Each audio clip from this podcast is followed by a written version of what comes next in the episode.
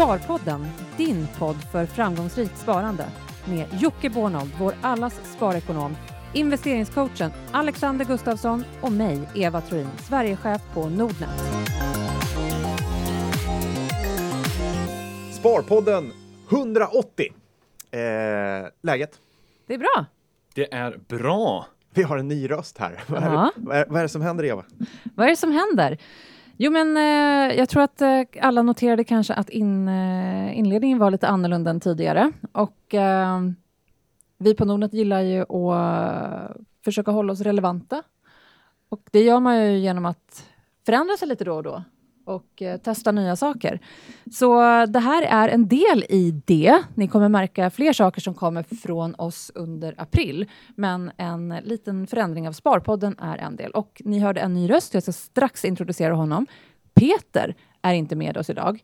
Det kommer han vara framöver, men kanske lite annorlunda. Inte varje onsdag, utan han kommer fortsätta att komma till oss med sina aktietips och skarpa analyser och vara med oss då och då, Yes. helt enkelt. Men Alexander Gustafsson, Ja, välkommen! nej men, Till eh, Sparpodden. fantastiskt kul att vara här bland giganterna. Det är en ära. Eh, ja, men, superkul, verkligen. Vem är du? Berätta. Jag har eh, den fina titeln investeringscoach på Nordnet. Och den omfattar väl att utbilda och prata investeringar och sparande. Och det är väl det vi vill göra i Sparpodden. Ja, absolut. Så att en, en eh, del i det här arbetet är ju att eh, få en lite mer utbildande touch, men fortfarande vara högst aktuell och relevant information så att du som lyssnare blir en bättre investerare. Ja, det är Var det allt för floskligt eller? Ja, det var det. Men det är okej ändå. det är ändå första programmet. Ja, man, man får dra lite flosklar. Nej, det var jättebra. Ja, men jag tror väl Eh, att det är det som är grunden å andra sidan. Det är ju hela, din, hela ditt arbete på Nordnet handlar ju faktiskt om just det. Ehm, och det vill vi fortsätta med. Men du är ju besatt av det. Det är, någon, det är nästan någon slags sjukligt eh, kring, kring, kring Alex. Jag tycker det är nästan läskigt. Eh, därför du är i princip ute varje helg och pratar aktier. Ja, jag har ju ett engagemang i eh, organisationen Unga Aktiesparare. Där, där jag håller deras eh, helgutbildning, UA-akademin. Stämmer bra. Och sen så pratar jag aktier måndag till fredag här på Nordnet. Ja, Så lite sju dagar i veckan. hur många, hur många helger var du ute och föreläste förra året? T- för Unga Aktiesparare var det 32 stycken. Och sen var det några helger för Nordnet. Jag vet inte hur många helger har vi på ett år. Ja, det är väl 52. Det borde Ja, det- vara 52 just i, i enlighet med veckorna. Men du, Ja, bra eh, jobbat. Ja, Eh, jag tänkte bara, med tanke på det här, vad föddes det här enorma aktieintresset? ja. Är det unga aktiesparare som ligger bakom? Eh, Eh, jo, men jag har mycket att tacka Unga Aktiesparare. Det är ju en, en härlig organisation där man får hitta likasinnade eh, och får utbildning och får diskutera de här sakerna. Men vart startade det? Ja, det är så här, jag har inte fått supermycket hemifrån när man tänker på det i efterhand. Det var inte så att vi satt vid matbordet och diskuterade aktier. Eh, både på gott och ont. Det är klart man hade velat diskutera mer, men det har väl också gett mig då lite friheten att kanske själv utforska det. Men ska jag peka på någonting, och det här är en liten är fascinerande historia egentligen. Jag var hemma förra julen var det. Och då hade farsan städat ut alla såna här eh, bordspel som man Ja. hade sedan man var liten. Rensat förrådet, tyckte att jag borde plocka med mig hem alla de här som vi satt och spelade. du har kommit dit alltså? När man var, ja men nu har man börjat, nu har man börjat komma dit. Eh, och de brädspelen som var mina, det var Monopol, Finans, Wall Street, Aktiemiljonär. och där satt jag som eh, 7, 8, 10-åring kanske. Vi, vi pratade obligationer och det var utdelningar. Man förstod inte ett skit. Men det någonstans måste väl ha planerat, eller planterat ett litet eh, frö kanske. Som man sen då plockade upp igen. Allt Eh. handlar ju om att tjäna pengar även i dem. Ja, spelen. ja, det var väl lite så. Så det var, lite, det var lite kul. Sen har jag spelat de här nu igen då, sen jag plockat hem dem och det är ju för jädra kul. eh, Monopol är en klassiker, men sen Ja. finns det ju massa andra aktier, miljonär och finans och liknande. Kul! Den som, eh, men det, det är kul att komma tillbaka lite till vad man gjorde i barndomen och sen, eh, ja, men det är lite utbildande också. Mm. Brädspel. Det är nog... Vi slår ett slag för brädspelen, de Ja. kapitalistiska brädspelen. Ja, Underbart. Men det, det här känns ju toppen tycker jag. Mm. Ett bra komplement till oss två Absolut. i podden. Men om vi ska gå in på dagens avsnitt tänkte jag. Vad eh, har vi på agendan idag? Vi ska prata lite aktuellt Mm. om eh, det som händer i vår omvärld eh, och givetvis ta upp frågor från er lyssnare. För nu börjar det komma en hel del, både på Shareville under eh, gruppen hashtag Sparpodden och naturligtvis på Twitter, hashtag Sparpodden. Så det är väl det vi hinner med idag tror jag. Vi börjar där. ja. Det låter som en jättebra idé. Ska vi ta och börja lite politisk risk? Ja, säger ni om det? Eh, högaktuellt. Ja, det är väl i allra högsta grad och får väldigt mycket frågor om det. Och byggs på lite mer eh, frågor kring politik när det kommer eh, därför att eh, Theresa May, visst heter hon så? Ja. Eh, premiärminister i Storbritannien eh, har ju utlöst nyval och idag är det onsdag.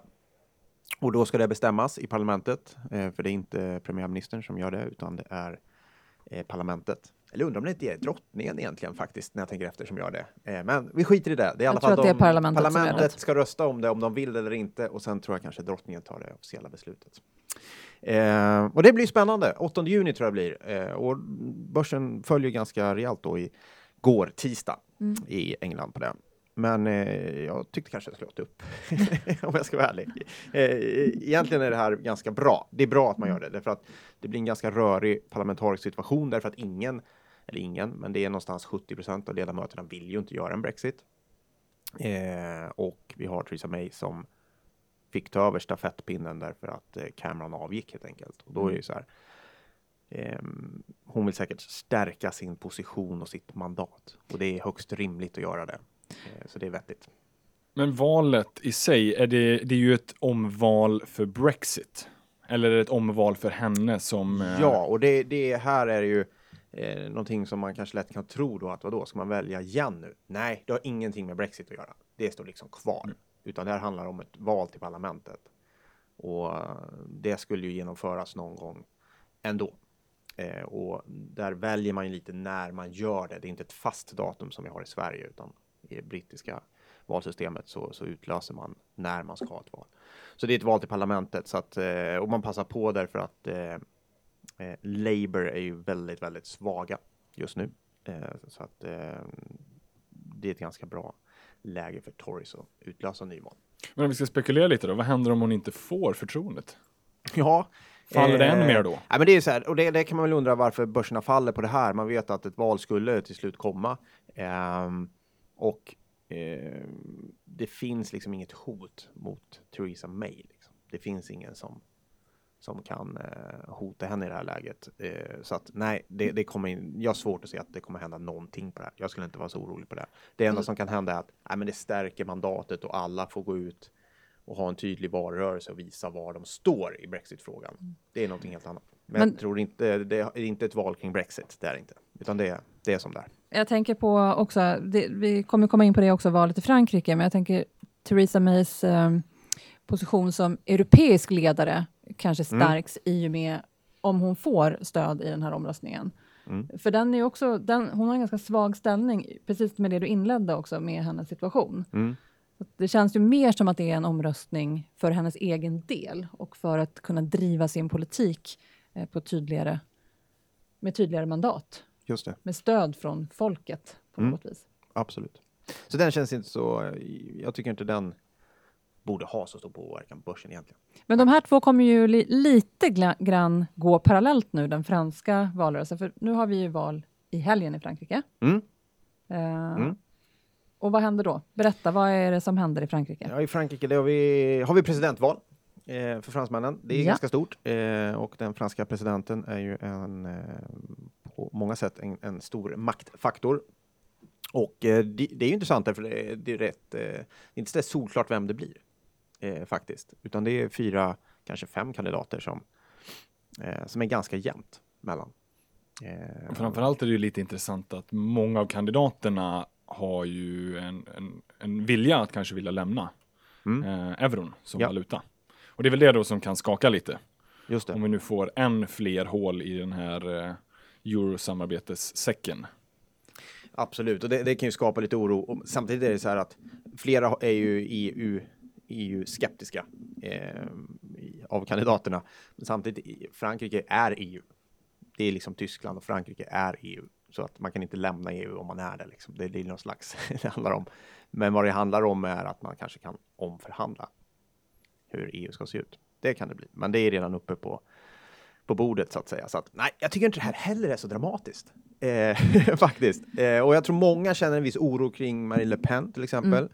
Och, som är och, en av kandidaterna. En av kandidaterna och hon är ju en av dem som eh, eh går starkast, är en av dem som har eh, flest eh, eller går bäst i opinionsmätningarna. Men det är ju så här att och hon är ju ganska, eller väldigt långt åt höger och eh, EU-kritiker, eh, skeptisk eh, och brukar ju buntas ihop det populisttemat. Men vad man kan säga är att eh, den franska presidenten, ja, det är inte så att det är någon envåldshärskare.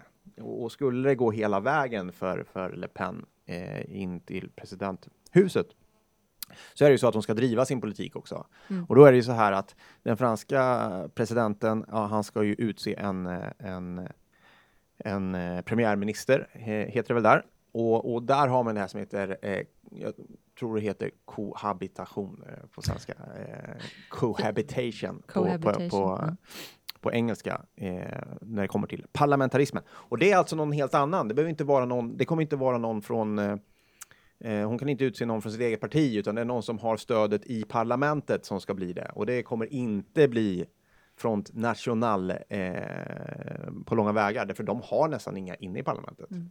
Så av alla eh, de här hundratals människorna som är representanter där så kommer de kanske ha under tio. Mm. Eh, så att de kommer inte ha någon makt alls i parlamentet, även om hon blir president. Så det här är ganska komplicerat, det franska Men... valsystemet. Och nej, jag är inte speciellt orolig för min, min, jag bryr mig bara om hur det påverkar börsen och ekonomin. Ja, säga, och, hur kommer det, vad, vad tror vi? Det menar, mycket är ju redan inräknat. Eh, det Theresa May gjorde igår var väl inte riktigt eh, förutsagt att det skulle ske just igår, men att det skulle Nej. komma, det förstod man ju vid något tillfälle. Mm. Um, så att mycket är ju inräknat, även Le Pen. Nu har vi fått någon stark eh, kandidat på vänsterflanken mm. också i Frankrike. Men ja, det är han uttalat hans namn, men det är högst omöjligt. Jag, jag, kan inte heller uttala hans namn. Ma, ma, ma, nej, nej vi, vi, vi lägger ner det. Mm. Men, men utan att gå mer in i detalj på valet, hur påverkar det här oss som investerar och sparar i Sverige? Och som kanske investerar i bolag naturligtvis, som påverkas i det här egentligen bara att det skapar en, det är ändå en osäkerhet eh, och vad som händer är att ingenting händer. Inte inom EU heller under den här perioden och vi har ett tyskt val lite senare också. Och det är egentligen vad man kan säga är att nej, det skapas de beslut som kanske borde tas inom EU tas inte just nu därför att man väntar på att allt ska lugna ner sig och, och sådär. Eh, och det är väl lite grann eh, funkar likadant på aktiemarknaden. Ja, och det känns väl som att det här temat som vi hade förra året, att det kommer kraftiga val, Brexit, en Trump och så ser vi ganska stora rörelser. Men vi har ändå en underliggande positiv trend. Ja. Så, så hur ska man som sparare resonera? Ja, men det känns som att man behöver kanske ha lite is i magen under det här året. Mm. Uh, för att det kommer att svänga. Det såg vi inte minst här på valet igår. Mm. Uh, sto inte Stockholmsbörsen, jo Stockholmsbörsen följer också. Men uh, London framför allt följer relativt tungt. Mm. Slutade väl kanske ner 2,5 procent. Men, eh, men för det betyder inte det att hela eurosamarbetet kommer nu att lösas upp över en natt eh, eller att det ens kommer att förändras så jättemycket, precis som du säger Jocke. Nej, så, så, skulle jag lyfta fram någonting kring politisk risk. Det är ju som jag alltid sagt i podden, det är Italien som är det stökiga och det är, nu skriver ingen om Italien längre, men där är ju det jätterörigt eh, och där tar man inte alls de beslut som man borde ta eh, där man har en banksektor som mår minst lika dåligt idag som den gjorde för ett halvår sedan förstås. Det har inte hänt någonting där. Eh, om man har ett eh, politiskt läge som är mer eller mindre dödläge eftersom det också där ska till ett val då eftersom mm. sittande regering hoppar av. Så att det är ju stökigt, men ska man vara helt ärlig, påverkar inte ekonomin så där jättemycket allt det här. Det, det är ju om en svag en... banksektor är oroväckande i mm. Italien, men så här, England, eh, Frankrike, Tyskland, nej, det, det ser rätt bra ut. Mm. Tuffar på rätt bra. Och med, på tal om det så kommer ju kvart, första kvartalsrapporterna börja trilla in så att vi får väl återkomma till det. Eh, ja, det lär först, vi göra. Första, första känslan från er, hur ser det ut? Än så länge relativt positivt. Jag har inte kikat allt för mycket i detalj. Men vad säger du Jocke? Mm, nej, men det är, man har jättehöga förväntningar. Mm. Eh, börsen är ju Högt värderad. ganska högt värderad ja, på alla möjliga nyckeltal, hur man vrider och vänder. Eh, så att det är ju så att de måste leverera vinster. Och var kommer de ifrån? De måste nog börja komma från försäljning. Vi måste ha försäljningsökningar. Man kan inte dra... Eh, det räcker inte att köra ett trick och, och, och dra ner på kostnader här, för det kommer inte funka. Det kommer inte aktiemarknaden köpa tror jag. Så att, eh, det är lite mm, spännande. Det är spännande tider eh, två veckor framåt, därför det visar eh, om aktiemarknaden växer i kostymen. Mm. Eh, så att eh, det, det ser jag fram emot. Mycket politik i det här eh, avsnittet, men jag tänkte faktiskt Ja. avsluta med en sista också. Vi har ju faktiskt fått eh, presenterat för oss vårbudgeten. Ja, Ja, den kan vi ju bara ta lite först. Vår budget, vad innebär det? Är det här en budget som vi nu kickar igång nästa vecka? Ja, men det är det ju inte riktigt, utan vårbudgeten är ju första utkastet. Sen så har vi en i höst där man då kanske tar de större besluten och sen så går den live 2018. Sen innebär ju också nu vårbudgeten, eh, det finns ju en ändringsbudget för innevarande år, så det kan ju bli lite förändringar redan Mm. nu. Men, men det primära är ju vad som ska vad statsregeringen, hur eh, statsfinanserna ska se ut 2018. Ja, och då det var man inte så... Och det, det är så att det är ett antal förslag ute eh, som man lagt ut. Och det är ju så, det är ju ingen riktig budgetförändring. Liksom. Man gör några justeringar, men man, som du säger, man bygger upp för det som ska ske 2018. Därför det är en årsbudget. Och höstbudgeten är ju den stora. Eh, men det har ju figurerat en, en hel del grejer. Man kan konstatera att de, skattetrycket är på väg upp.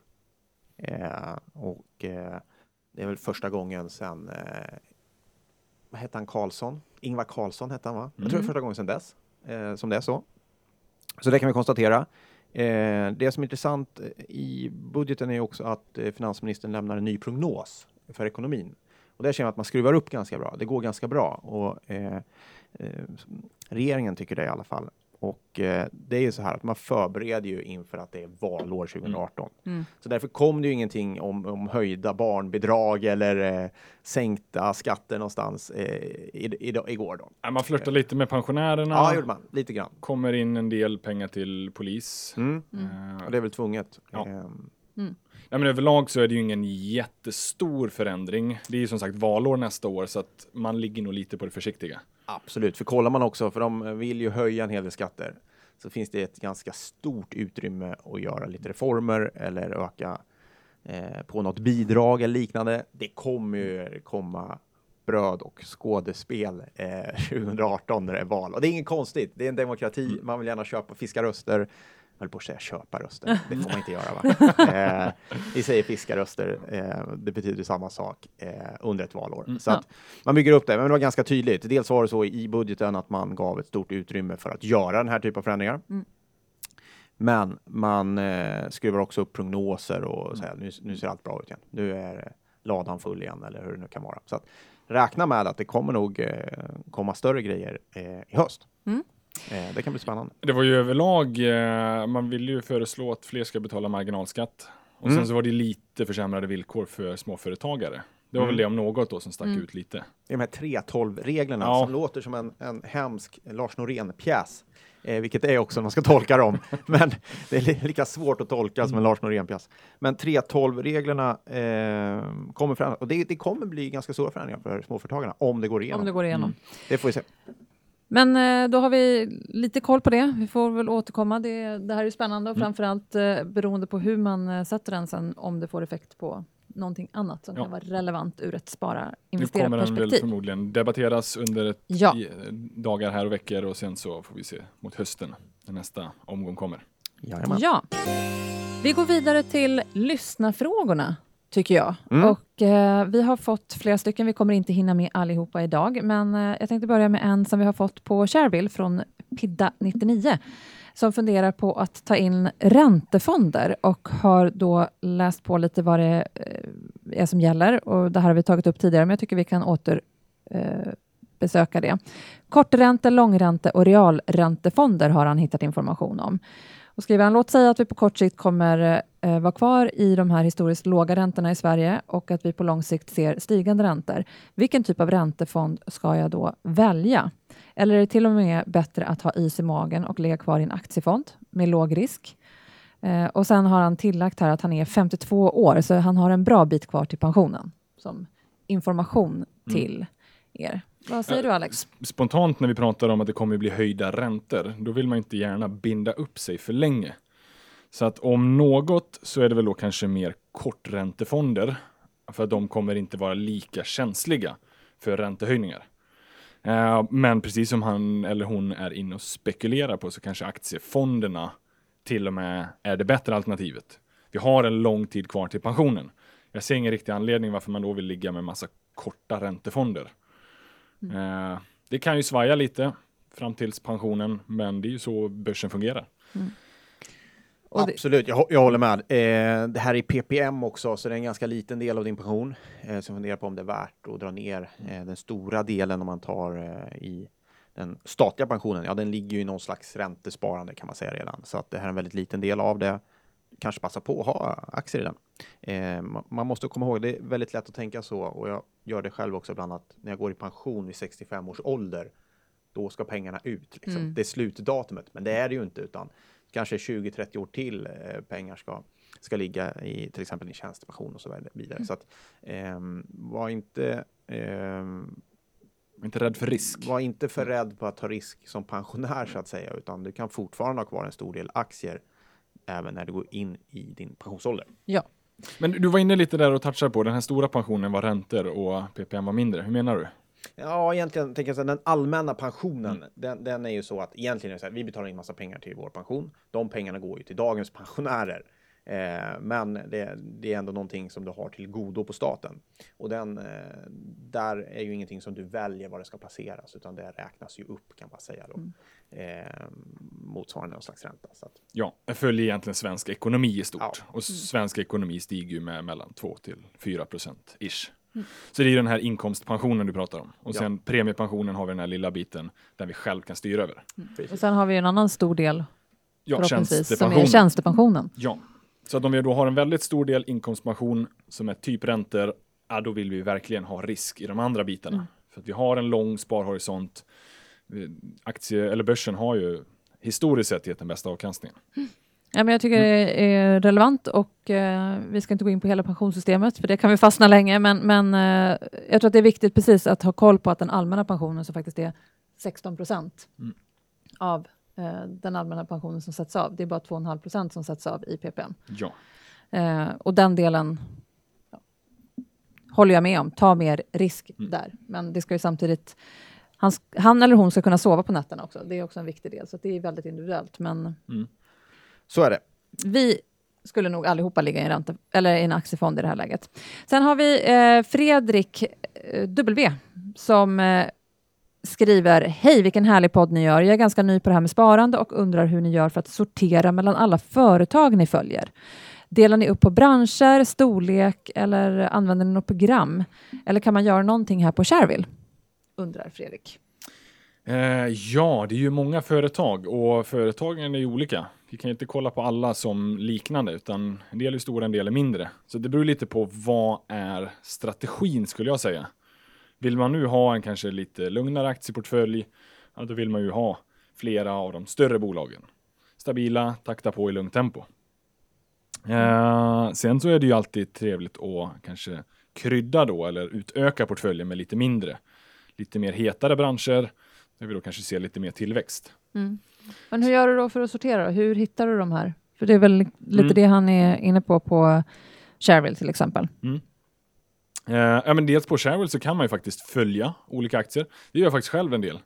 Eh, precis som man kan följa olika investerare så kan du följa aktier. Dyker de upp i ditt flöde så ser man vad andra tycker och tänker. Eh, men annars så finns det ju en uppsjö av bra program. Det finns det här klassiska hitta kursvinnare, börsdata.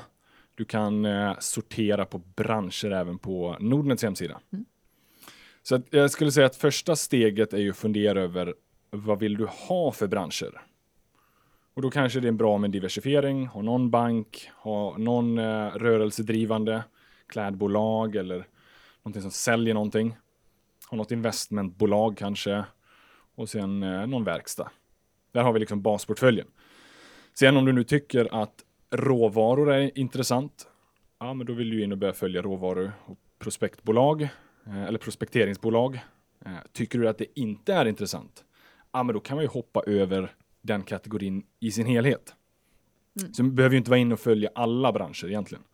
Men så kontentan är ju egentligen då att eh, beroende på strategi Ja, så, så, är ju, eh, lite, så, så kan man antingen välja då att eh, följa bransch och därpå kan man lägga på storlek också. Mm. Någon, Absolut.